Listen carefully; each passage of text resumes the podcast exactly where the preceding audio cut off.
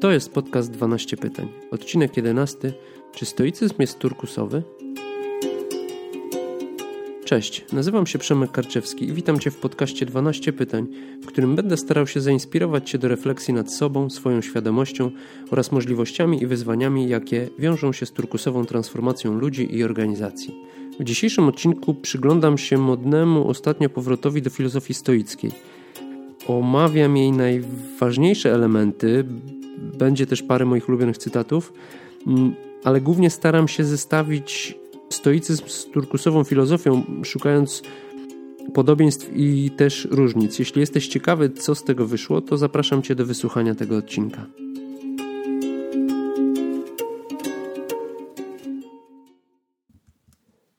Pomysł na ten odcinek narodził się gdzieś w okolicach 7 kilometra porannego biegu, podczas którego w słuchawkach leciał podcast Lepiej Teraz, którego jestem namiętnym słuchaczem, a w nim Radek Budnicki rozmawiał o stoicyzmie z niejakim Piotrem Stankiewiczem. Generalnie w podcaście Radka wielokrotnie przewija się temat filozofii stoickiej i im więcej o niej słuchałem, tym bardziej wydawała mi się interesująca. Myślę, że dlatego, że definiowała pojęcie prawdziwego szczęścia i dawała takie cenne wskazówki, jak je osiągnąć, y, podkreślając przy tym jednocześnie jak trudna i wymagająca jest to droga. I wywiad z praktykującym stoikiem, mm, który pochłaniany był przeze mnie w ten słoneczny poranek na świeżym powietrzu, okazał się właśnie być tą inspiracją do kolejnych głębszych przemyśleń, w wyniku których postanowiłem podzielić się z Tobą pytaniem, które sam sobie stawiałem, mianowicie, czy stoicyzm jest turkusowy? Po pierwsze, e, myślę, że warto sobie tutaj podjąć takie rozważania, czy jest to w ogóle moda, czy jest to potrzeba. Zwiększona ilość bodźców i taki nieustanny pośpiech, lawinowy wzrost ilości informacji, które do nas docierają, które musimy przetwarzać, mm, często prowadzą do stresu, do, do, prowadzą do frustracji i takiego wypalenia. Współczesny świat kręci się wokół własnej osi w bardzo, bardzo zawrotnym tempie i wszechobecny taki konsumpcjonizm jest w moim przekonaniu nieudolną próbą poszukiwania szczęścia właśnie w posiadaniu, w posiadaniu coraz to większej, większej ilości rzeczy. I pomimo tego wcale nie czujemy się bardziej szczęśliwi. Mamy wręcz poczucie pustki, pewnej takiej tęsknoty za życiową równowagą i radością, która płynie z takich zwykłych, małych, codziennych czynności. I tutaj z pomocą przychodzi nam właśnie coraz bardziej popularna i przeżywająca, można powiedzieć, obecnie swój renesans filozofia stoicka.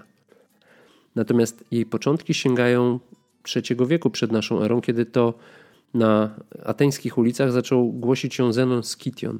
Jednak lata świetności stoicyzmu przypadają na okres Cesarstwa Rzymskiego, gdzie koncepcja ta była mm, bardzo popularna. Mówi się, że stoicyzm przybył do Rzymu wraz z niewolnikiem Epiktetem, jednak Najbardziej znani stoicy tego okresu to Lucjusz Anneusz Seneca oraz rzymski cesarz Marek Aureliusz. Stoicyzm wywarł ponadto niebagatelny wpływ na chrześcijaństwo, a obecnie zaczyna też odradzać się w naszych czasach w formie takiego poststoicyzmu.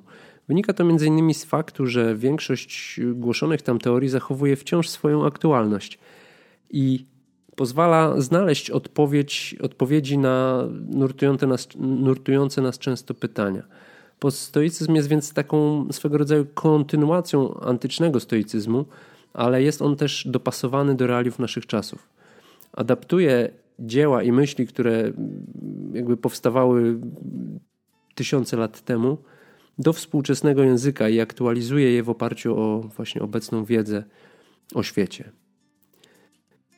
Jedną z najjaśniejszych postaci współczesnego stoicyzmu jest zaledwie niespełna, albo może już chyba jest po 30, 30-letni Amerykanin Ryan Holiday, który jest autorem książek Stoicyzm na każdy dzień roku, 366 medytacji na temat mądrości, wytrwałości i sztuki życia, czy też książki Ego Twój wróg, a trzecia jego książka to Przeszkoda czy Wyzwanie, które to wszystkie e, traktują o stoicyzmie.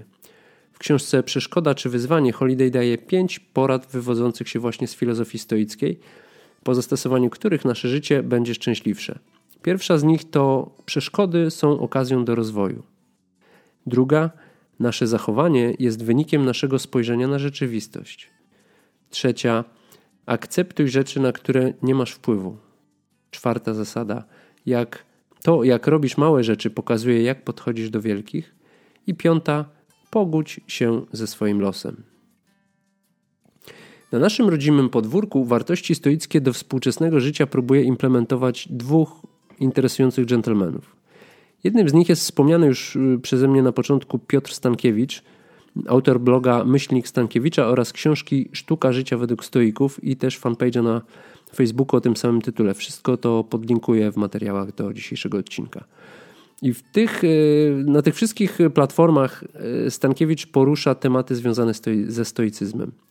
Drugą postacią jest dr Tomasz Mazur, założyciel Centrum Praktyki Stoickiej, która, które to centrum propaguje tą filozofię wśród firm i osób fizycznych.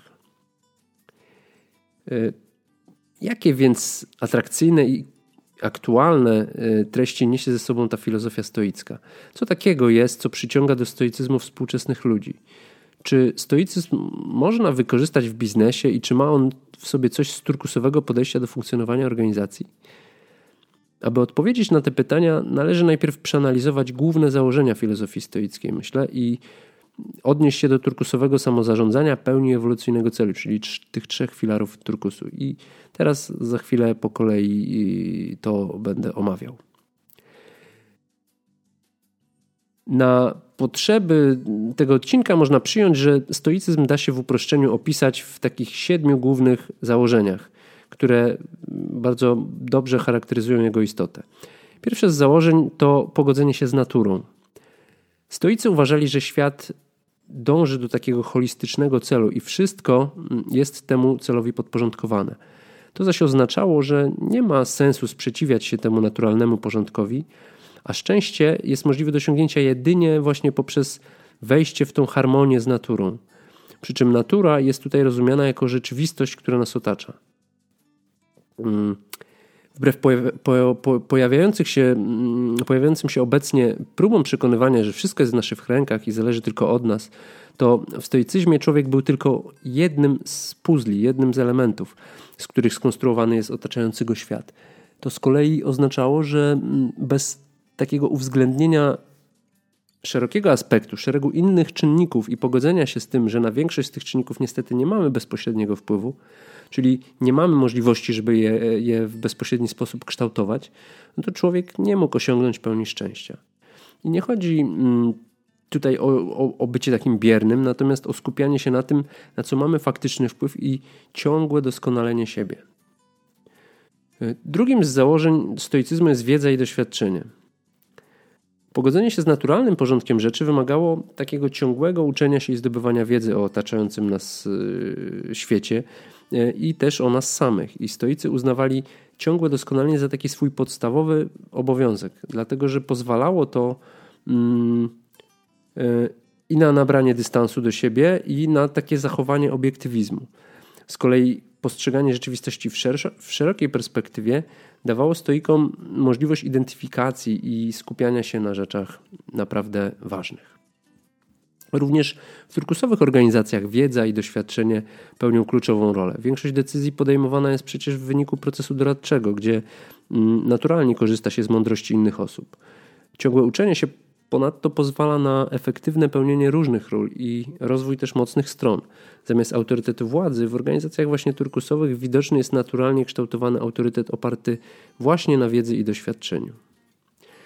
Trzecim założeniem, filarem mm, stoicyzmu jest skromność. Uznanie natury jako nadrzędnej siły oznaczało jednocześnie, że stoicy mieli świadomość własnej niedoskonałości.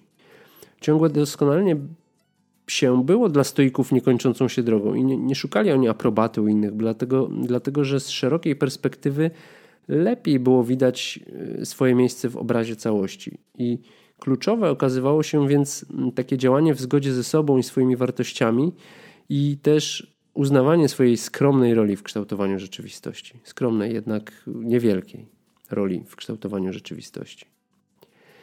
Dostrzec tutaj można analogię do turkusowej pełni i ja ją dostrzegam i dążenia do wnoszenia całego siebie wraz ze wszystkimi talentami i ograniczeniami. Świadomość niedoskonałości uwiarygadnia powszechne przyzwolenie na popełnienie błędów i wyciąganie z nich lekcji dla siebie na przyszłość. Dzięki głębokiej znajomości swojej wartości możemy lepiej pełnić swoje organizacyjne role, co niewątpliwie przełoży się na wyższą efektywność całej organizacji. Kolejnym takim fundamentalnym założeniem stoicyzmu jest wewnętrzna harmonia. Jednym z najważniejszych zasad, jedną z najważniejszych zasad stoickich jest uznanie, że nie mamy wpływu na rzeczy od nas niezależne i nie warto się więc nimi przejmować. W myśl tej koncepcji możemy kształtować jedynie nasze reakcje na to, co nas otacza. Nie oznacza to jednak, że nie warto robić nic. Wręcz przeciwnie, należy się nieustannie, należy nieustannie pracować nad sobą i też brać odpowiedzialność za swoje życie. Osiągnięcie takiej pełni szczęścia możliwe jest jedynie wówczas, gdy nauczymy się akceptować naturalną kolej rzeczy. Cnotą stoików właśnie była refleksyjność, czyli taka umiejętność powściągania emocji, które powstawały w wyniku natychmiastowej reakcji na bodziec. I spojrzenie na sytuację z góry pozwalało stoikom na nabranie dystansu i podjęcie takiej rozważnej, przemyślanej i maksymalnie obiektywnej decyzji. Ten stan takiej totalnej harmonii stoicy nazywali mm, apateją. Stąd notabene wywodzi się określenie apatia, które poprzez taką błędną i uproszczoną interpretację nabrało z czasem niestety swojego takiego pejoratywnego znaczenia. Taka wewnętrzna harmonia mm, przywodzi mi na myśl turkusową pełnię i otwartość na nowe sytuacje. Tylko równowaga wewnętrzna zapewnia ludziom komfort i możliwość całkowitego poświęcenia się zadaniom czy projektom. W samoorganizujących się zespołach y, priorytety organizacji na danym, w danym momencie wyłaniają się niejako samoistnie i wynikają z aktualnych potrzeb, które są zidentyfikowane przez jej członków. I tutaj podobnie dostrzec można zbieżność z ewolucyjnym celem, który jest takim naturalnym głosem organizacji i pozostaje z nią e, w całkowitej harmonii. Następnym filarem jest rozwój osobisty, ponieważ szczęście jest stanem niezależnym od wpływu otoczenia – to stoicy dużą wagę przywiązywali do mm, pracy nad sobą. Kontrolowanie emocji i dystansowanie się od nich jest bardzo trudne. Wymaga więc takich nieustannych ćwiczeń i takiej bardzo silnej, mocnej wewnętrznej samodyscypliny. Dążenie do doskonałości w celu życia w zgodzie ze sobą i naturą jest, można powiedzieć, niekończącym się procesem dla stoików. Turkusie również widać potrzebę doskonalenia się przez rozwój osobisty, który jest oparty na mocnych stronach. Mm, poza tym świadomość własnych emocji i też ich wpływu na nasze działania oraz y, umiejętność ich kontrolowania bardzo mocno przydaje się nie tylko stoikom, ale nam wszystkim. Powściąganie emocji i danie sobie możliwości chłodnej oceny sytuacji jest w dłuższej perspektywie dużo bardziej korzystne, dlatego że chroni nas przed impulsywnymi reakcjami, na które, które z reguły no, nie są racjonalne i też nie wnoszą niczego konstruktywnego do naszych relacji międzyludzkich. Następnym mm, ważnym elementem filozofii stoickiej jest uczciwa praca. Życie w zgodzie z naturą oznaczało dla stoików również jak najlepsze wykonywanie swojej pracy. I to niezależnie od tego, jaka była to praca. Wszyscy ludzie pełnią jakieś role, powinni więc robić najlepiej to, yy, robić to, co robią, najlepiej jak potrafią. Wkładając właśnie całą swoją wiedzę, wszystkie swoje umiejętności, całe swoje doświadczenie i, i, i zaangażowanie. Tylko wówczas możliwe jest osiągnięcie wewnętrznej harmonii yy, z naturą. Oddawanie się pracy z pasją jest motywem przewodnim też, przewodnim też właśnie organizacji turkusowych. Wykorzystanie potencjału poszczególnych pracowników w, w, w, w, oparciu o ich mocne strony jest już taką powszechną praktyką, można powiedzieć, dlatego że przynosi wymierne rezultaty w postaci większego zaangażowania pracowników, no a to z kolei przekłada się na lepsze wyniki firmy. I czerpanie satysfakcji z wykonywanej pracy, mm, dostrzeganie w niej takiego głębszego sensu bardzo mocno zwiększa wewnętrzną motywację pracowników. I dzięki temu rośnie ta świadomość, rośnie odpowiedzialność za własną pracę i jej wyniki. Mm, I też łatwiej przekształcić jest hierarchiczną strukturę wtedy w samoorganizujące się zespoły e, zmotywowanych właśnie profesjonalistów. I ostatnim elementem mm, stoicyzmu jest, są, jest holistyczne postrzeganie świata. Zgodność z naturą wyrażała się u stoików także w takim traktowaniu społeczeństwa jako całości i działaniu w imieniu i na rzecz tej właśnie całości, tej społeczności. Dążenie do harmonii z naturą miało swój wymiar w działaniu na rzecz ogółu. Wnoszenie swojego wkładu w osiągnięcie tego nadrzędnego celu było obowiązkiem stoików i doskonalenie siebie, siebie było też jednocześnie takim doskonaleniem świata, w którym oni żyli. Działanie na rzecz y, większego celu to jest też nic innego jak domena turkusu. Praca zespołowa jest tam szczególnie ważna, dlatego że buduje poczucie wspólnoty wokół większego celu, no prowadząc y, jednocześnie do ponadprzeciętnych rezultatów. I mm, świadomość bycia częścią większej całości i, i też świadomość tego, jaką rolę w, tym, w tej całości odgrywam ja mm, jako jednostka, y, niezwykle podnosi motywację do osiągania założonych wyników i też angażuje pracowników w różnego rodzaju akcje charytatywne i, i, i społeczne.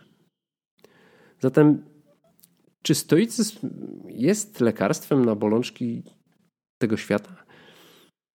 Filozofia, która zapoczątkowana jest, została no, ponad 2,5 tysiąca lat temu w Grecji, okazuje się być wciąż bardzo aktualna, szczególnie właśnie w obliczu wyzwań, z jakimi mierzymy się we współczesnym świecie. Mm, założenia tej filozofii oraz stosowane techniki na pewno pomagają przezwyciężyć trudy codzienności i też zmniejszyć tęsknotę za no, utraconym spokojem i wartościami. Bycie stoikiem oczywiście nie jest łatwe, wymaga bowiem bardzo wysokiej świadomości i takiej samoświadomości i dyscypliny wewnętrznej, dzięki którym e, właśnie możliwa będzie akceptacja przeciwności, możliwa będzie okiełznanie emocji i też pogodzenie się z naturą. Jest to moim zdaniem nieustanna, niekończąca się i taka dość wyboista droga, ale mm, konsekwentne podążanie tą drogą znacznie przybliża, może nas przybliżyć do osiągnięcia prawdziwego szczęścia. Czy więc y, stoicyzm może pomóc w transformacji organizacji w kierunku turkusu? Ja osobiście jestem absolutnie przekonany, że tak istnieje wiele punktów wspólnych, e, w których praktyki stoickie mogą wspierać turkus.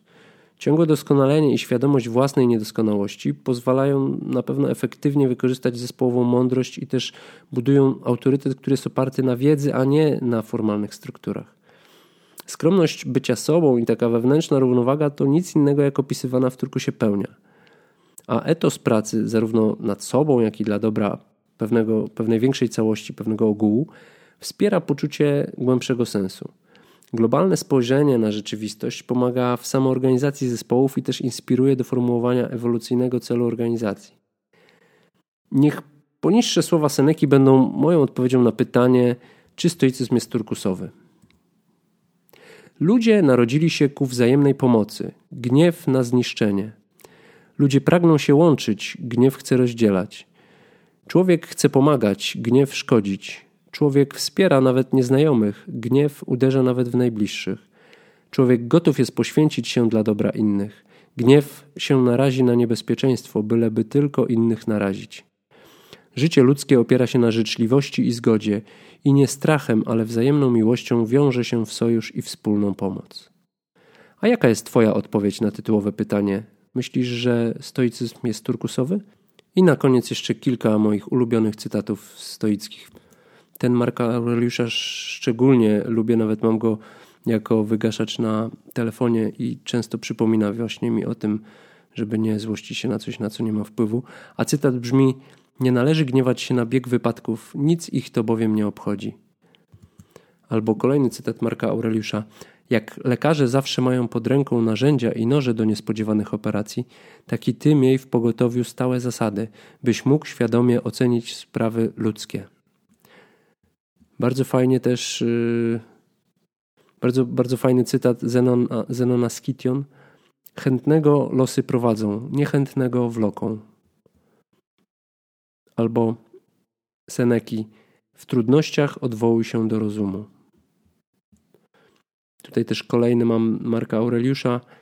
Człowiek ambitny widzi dobro w działaniu innych ludzi, miłujący rozkosz we własnym popędzie, człowiek mądry we własnym działaniu. Kolejny cytat Seneki. Jeśli ktoś chce dotrzeć do określonego miejsca, niech wybierze jedną drogę i nie zastanawia się nad innymi, ponieważ nie byłaby to już jego podróż, lecz włóczęga. I kolejny Seneki. Największą władzą jest władza nad samym sobą. Marek Aureliusz. Polub swoją pracę, nawet gdyby była mało znacząca, i odpoczywaj przy niej. I znowu Marek Aureliusz. Ale kto czci duszę rozumną, ogarniającą wszechświat i społeczeństwo, o żadną z innych rzeczy już się nie troszczy. Ponad wszystko duszę własną utrzymuje w takim stanie, aby była rozumna i społeczna i czynna, i śpieszyła z pomocą bliźniemu, który do tego samego celu dąży. Zachęcam Was do zgłębienia tajników stoicyzmu. Wszystkie linki e, do osób i książek, o których mówiłem, znajdziecie w notatkach do tego odcinka. Dziękuję za wysłuchanie tego odcinka. Jeśli Cię zainteresował, zapraszam do subskrybowania podcastu.